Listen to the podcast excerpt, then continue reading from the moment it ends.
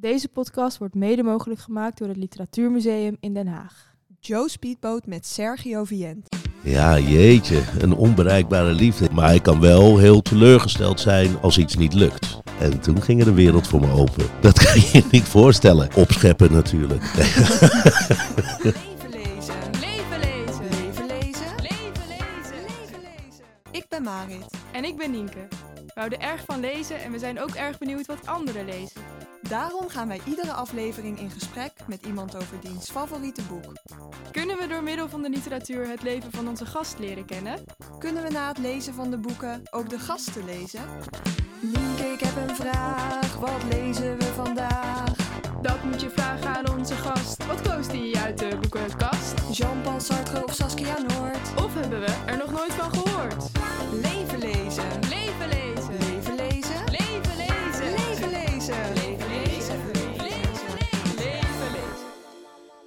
Wie kent hem niet? Sergio Vient. En wie kent hem niet? Tommy Wieringa. Twee figuren die niet weg te denken zijn uit de Nederlandse cultuur komen samen in deze podcast. Ja, en Sergio kennen we natuurlijk als de gastheer van First Dates, als de allerbekendste koppelaar van Nederland. En Tommy Wieringa kennen we natuurlijk van het ultra-populaire Joe Speedboat. Een boek dat favoriet is van Sergio. En extra toevallig is dat die twee, Tommy en Sergio, elkaar ook nog blijken te kennen uit het Utrechtse nachtleven. Zo gaat dat in de BN'ers zien. Ja, en het verhaal van Joe Speedboat speelt zich af in het fictieve dorp Lomark en we volgen verschillende middelbare scholieren.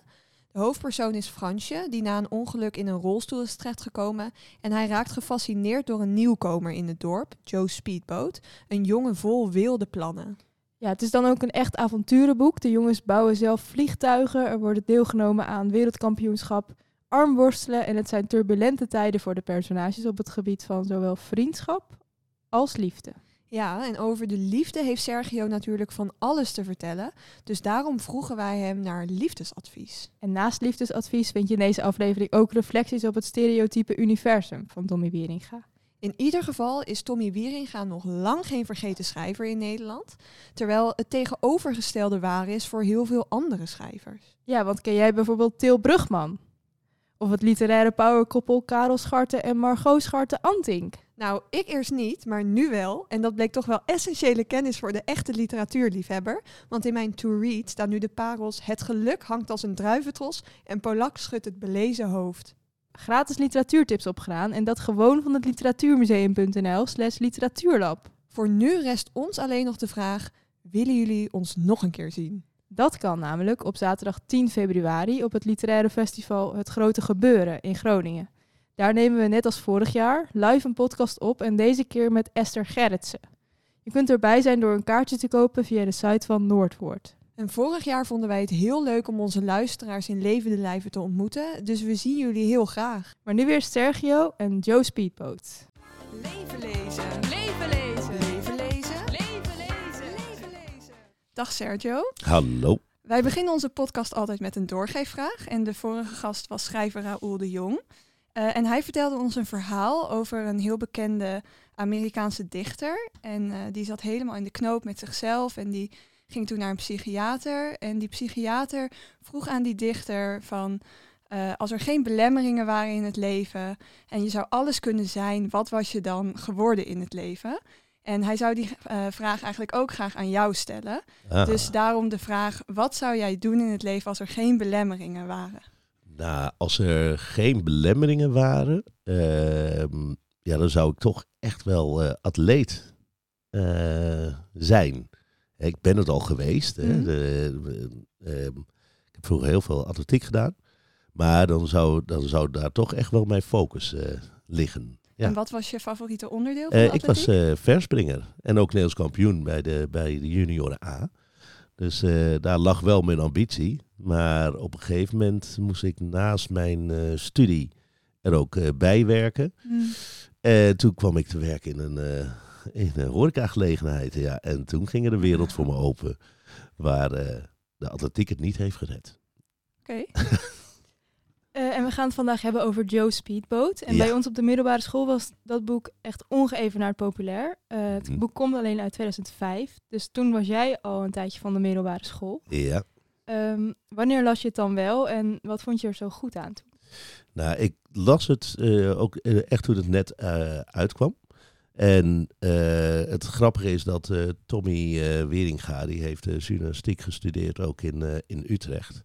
En ik heb ook in Utrecht gewoond. En in Utrecht heb ik ook de Smaak van Utrecht georganiseerd met mijn bedrijfje en een ander bedrijf. En een van de schrijvers in ons programmaboekje, dat was Tommy Wieringa. En wij kenden elkaar gewoon van het uitgaan. En toen hij... eh, Zo kende je Tommy Wieringa. ja, dus Ja. eh, eh, wij kenden elkaar al. En toen hij het had over nachtelijke, dat je s'avonds elkaar tegenkomt. En dat hij wel vertelde over Joe Speedboat, dat hij daarmee bezig was. Ja, toen heb ik het eigenlijk gewoon gekocht. Omdat ik dus Tommy ken. En dat ik zeer benieuwd was naar, naar zijn boek. En wat vertelde hij er dan over? Weet je dat nog? Eh, ja, opscheppen natuurlijk. Nou, nee, gewoon van dat hij wel met wat, wat moois eh, in, in zijn eh, optiek bezig was. En hij had al wat geschreven, maar dat werd nu nog niet zo erg opgepakt. En eigenlijk in het begin Joe Speedboat ook niet. En dat was best wel grappig, want hij heeft best wel een hele mooie actie ook gedaan. Dat hij aan vrienden heeft gevraagd van... ga gewoon een boekhandel, ga daar langs en vraag gewoon naar Joe Speedboat. Heb Eh, jij dat ook gedaan? Nee, ik, nee, ik heb want ik had hem al. Oh, ja. Nee, maar eh, dat hij dat gevraagd heeft en, en eh, dat mensen op het boekhandel zeiden, nee, die heb ik niet. En dat hij zei van, nou, dan moet je gewoon weglopen en verontwaardigd ook weglopen. En dat heeft Dus, gewerkt. ja, dat heeft uiteindelijk heeft dat, gewerkt. Nou, het is niet helemaal zeker of dat nou echt de trigger was, maar wel een ludieke actie. En kun je je nog herinneren wat je er toen zo eh, goed aan vond toen je het voor het eerst las? Ja, ik werd heel erg meegenomen eh, in de karakters, eh, door de karakters en hoe hij het heeft geschreven. En het is fijn om te lezen en, en gedetailleerd. En, en je, je kan het gewoon zo voor je zien wat, hij, wat hij opschrijft. En, en het mooie is van ja, dat, dat in het leven dingen gewoon mis kunnen gaan. Nou ja, voor sommige mensen gaat het heel erg mis. Hè? Wie krijgt er nou een hond op zijn op hoofd in Parijs en gaat dood? Ja, dat kan je je niet voorstellen.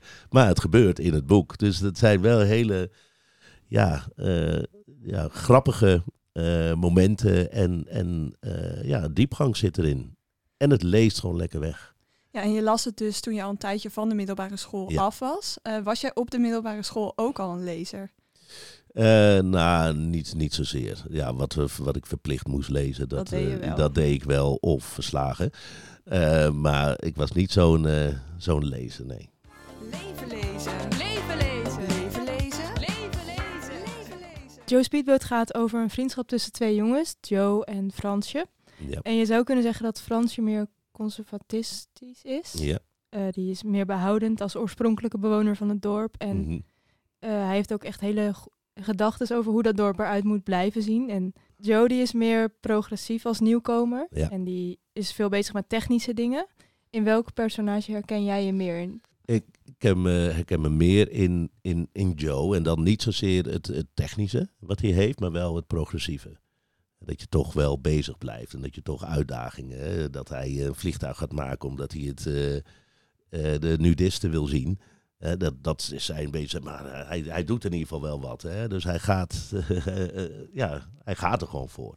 Dus in dat opzicht kan ik me iets meer met, eh, met Joe vereenzelvigen. Ja, en wij lazen het boek dus kort geleden ook. We hadden het al een keer gelezen, maar we hebben het nu opnieuw gelezen.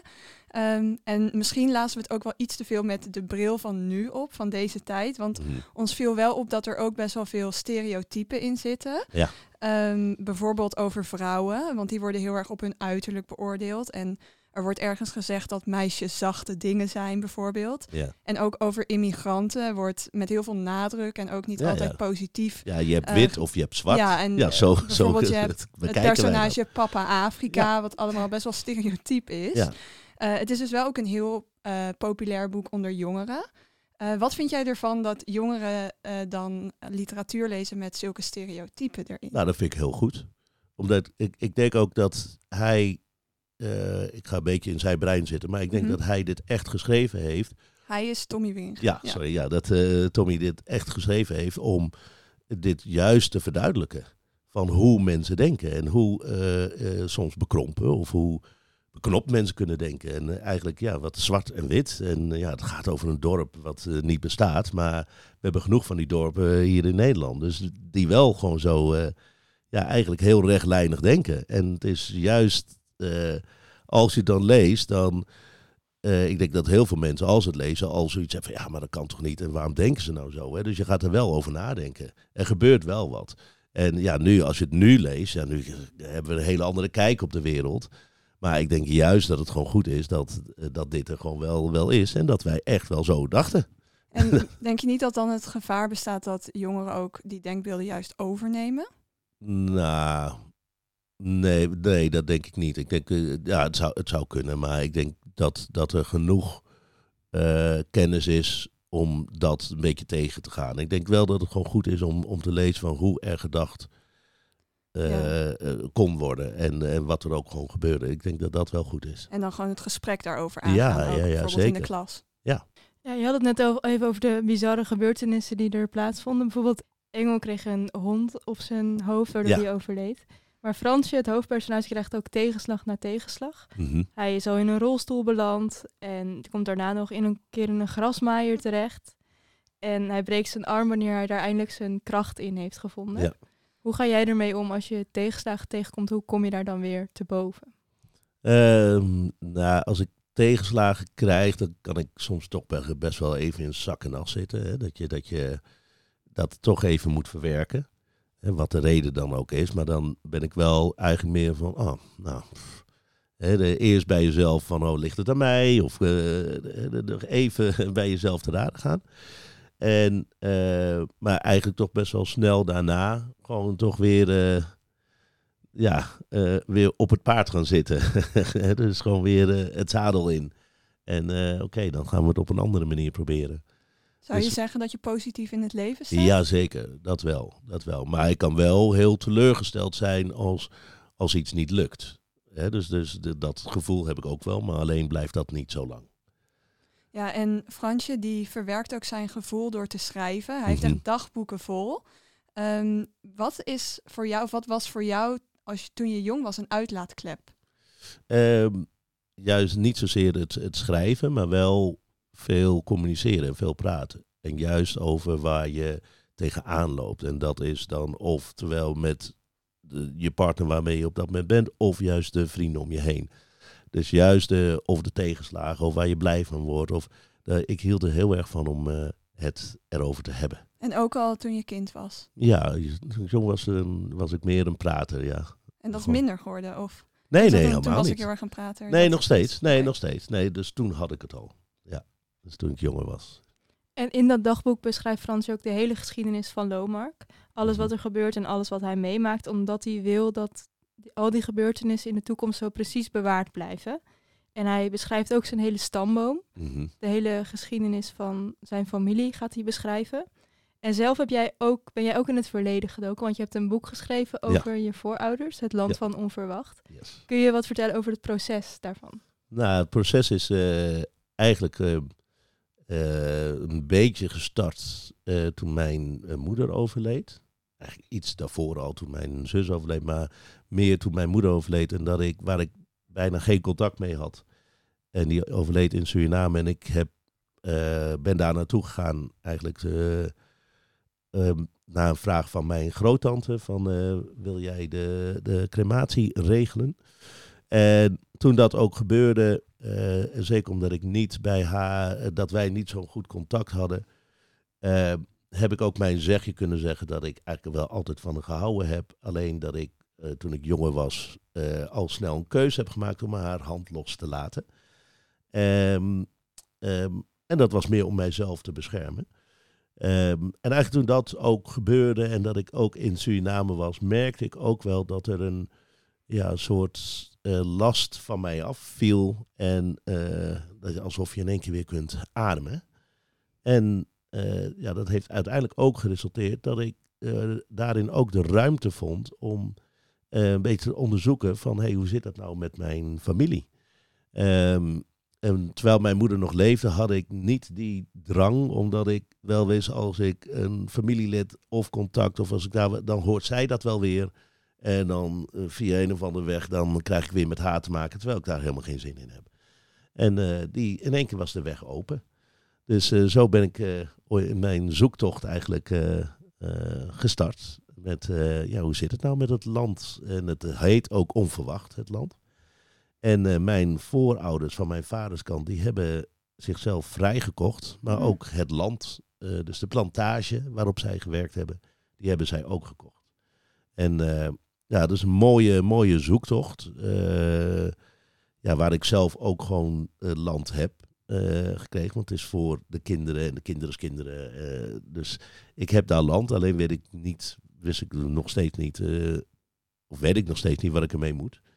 Want ik voel me geen Surinamer nog. Mm. Ik ben hier geboren en getogen. En ik heb heel veel familieleden ben ik tegengekomen in mijn zoektocht. En daar gaat onverwacht ook over. Dat je dus in één keer hernieuwde familieleden hebt. En eh, ja, met mooie verhalen en waar ik met trots naar kan kijken. En eh, ook met trots naar mijzelf van hey, dit cadeautje heb ik mezelf nu eindelijk gegeven. En dat dat wel heel erg mooi is. En ook voor mijn kinderen, want die dachten dat eh, de wereld begonnen was bij mij. En wat En- vonden jouw familieleden daar ervan dat je daar een boek over schreef? Ja, er zijn de meningen een beetje over verdeeld. Een gedeelte die had zoiets van, ja, maar ja, je kan, sommigen noemen dat dan vuile was, kun je niet uithangen. Ik ben heel, ik stel me heel kwetsbaar op. Ik, gedetailleerd vertel ik over hoe eh, ik vroeger dus eh, eh, ben opgegroeid en waarom ik bepaalde keuzes heb gemaakt. Omdat ik wel wil dat de lezer begrijpt dat ik niet schrijf vanuit wrok of woede of, of een slachtofferschap, maar juist vanuit trots. En vanuit dat je zelf keuzes kunt maken. Dat het niet uitmaakt, voor mij dan in ieder geval niet, van hoe zwaar het ook is. De, dus daarvan, maar ja, dan moet je wel wat gedetailleerder, moet je dingen opschrijven. En sommige familieleden hadden daar moeite mee. Die hebben zoiets van, ja, maar dat, het was wel je moeder. En dan kun je toch niet, ja, ik zeg, ja, het is mijn Mhm. mijn verhaal. Hè? Dat jullie mijn moeder Addens hebben gezien, dat is aan jullie. Ja, maar dit is mijn verhaal. En eh, een groot gedeelte die is er juist heel erg trots op. Omdat ze ook zoiets hebben van ja, maar dit gaat ook over onverwacht. En het gaat over ons land. En dit gaat over de trots die zij hebben voor hun voorouders. Hè? En ik ook Mhm. in één keer van, oh wauw, toen ik voor het eerst mijn land kreeg, ja, stond ik daar een beetje als eh, een westerse man. Eh, zonder echt te weten wat de geschiedenis was. En eh, na het onderzoek met mijn boek, eh, toen ik weer in Suriname was, nou, zat ik op mijn land eh, eh, gehurkt en de tranen vielen, gingen rolden over mijn wangen met, met de aarde in mijn hand. Dat ik gewoon weet van wat, voor, wat ze ervoor hebben moeten doen Ja. en voor moeten laten. Ja, en je zei net al dat je dus je moeder best wel vroeg uit het oog bent verloren. En als ik het goed heb, ben je opgegroeid grotendeels in pleeggezinnen. Ja, in een pleegzin en kinderthuis. Ja. En hoe is dat om zonder je biologische ouders op te groeien? Nou, ehm, ja, hoe is dat? Ik kan het eigenlijk alleen maar verwoorden voor mijzelf van ehm, dat eh, het in, uiteindelijk niet een gemis is geweest, omdat ik eh, in het kinderthuis ben ik goed opgevangen. Eh, eh, het, het, enige wat er, wat wel is, is dat je eh, aan de ene kant wel onzeker eh, kunt voelen. En dat je, eh, of dat heb ik, zo heb ik me ook wel gevoeld. En dat je, dat je wel, eh, omdat het toch, ja, het is toch je moeder, eh, dat je, ja, de onvoorwaardelijke liefde, als dat er niet is, ja, dat, dat, dat eh, raakt je. En dat, eh, ja, dan, kun je in, in het vertrouwen, eh, dat wordt wel een beetje eh, aangetast. En daarin heb ik wel geleerd om best wel op jonge leeftijd om dan het geluk en de zekerheid meer bij mezelf te gaan zoeken. Dus niet het hopen en niet het, ehm, het afwachten en, en uiteindelijk de, de acties of de, het initiatief bij iemand anders laten die daar niet klaar voor is of die dat niet kan. Dus eh, ja, het heeft me veel geleerd en het heeft me ook gebracht van wie ik nu ben en hoe ik in het leven sta. En ook mede door uiteindelijk ook Mien in het pleeggezin, eh, die wel de aandacht en liefde had voor haar pleegkinderen. En eh, dat ik dat had in mijn, eh, in mijn puberteit, wanneer waar je je gaat vormen en Mhm. Ja, echt, eh, de echte keuzes gaat, eh, gaat maken. Leven lezen. Leven lezen. Leven lezen. Leven lezen. Leven lezen. Fransje is eigenlijk ook heel individua- individualistisch. Die probeert ook heel erg zichzelf, voor zichzelf op te komen. En, maar de ouders van Fransje die proberen hem wel een beetje te beschermen. Mhm. De vader van Fransje die gaat op een gegeven moment werk voor zijn zoon verzinnen dat hij briketten gaat persen. Ehm, terwijl er eigenlijk helemaal niet echt behoefte is aan briketten in dat dorp. En dan Nee. zegt die vader, we moeten nog veel meer maken. En dit, het werk stapelt zich maar op. En uiteindelijk komt Fransje er dan achter dat die briketten ergens gewoon opgeslagen worden. En dat dat helemaal niet Nee. waar is wat die vader allemaal vertelt. Mhm.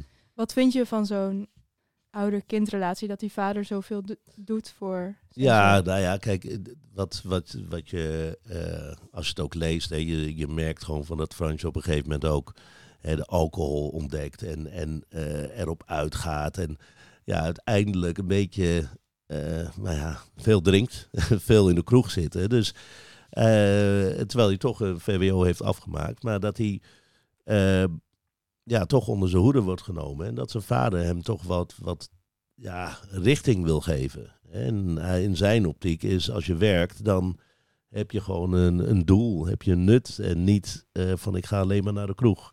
Dus ik denk vanuit het vaderschap of eh, ja, ouders, eh, ja, denk ik dat het wel dat hij wel zijn best doet, heeft gedaan om eh, hem te helpen. Maar ja, gebaseerd op een leugen, dat is dan niet zo fijn. Hè? Dus Nee. dan kun je maar beter het op een eerlijke manier doen. En eigenlijk iemand ook in zijn waarde laten. En niet dat je er in één keer achter komt dat een hele muur van briketten daar gewoon op, op het terrein ligt. Ja, en een andere tegenslag die Fransje te verduren krijgt is op het gebied van de liefde. Eh, want hij moet aanzien hoe zijn beste vriend een relatie krijgt met het meisje op wie hij verliefd is. En hij is onbedoeld eigenlijk ook nog de matchmaker geweest van, Mhm. van hen twee. Ehm, bij First Dates was jij natuurlijk een matchmaker. En Ja. wij vroegen ons af wat jij als de bekendste koppelaar van Nederland eh, voor advies zou hebben voor mensen zoals Fransje, dus die een onbereikbare liefde hebben. Ja, jeetje, een onbereikbare liefde. Ja, uiteindelijk is het echt, eh, komt het toch neer op het toch wel uitspreken, denk ik. En, en liefde is, is ook je kwetsbaar durven opstellen. Eh, Dat hoort ook gewoon bij de liefde. En dat kan pijn doen. Maar dan weet je het in ieder geval wel. En ja, soms kun je gewoon verteerd worden door eh, te blijven smachten en, en iets maar willen en je krijgt het niet. Ja, dan hebben we liever dat het duidelijk is van ja, dit wordt het niet. Of toch wel. Hè? nee, heb je ja zou je kunnen krijgen. Eh, dus ja, ik zou eh, zeker het advies geven om eh, spreek je uit. Dus aan alle luisteraars die nu luisteren en met onbereikbare liefde, spreek je uit. Spreek je uit. Ja. Al is het met Valentijnsdag.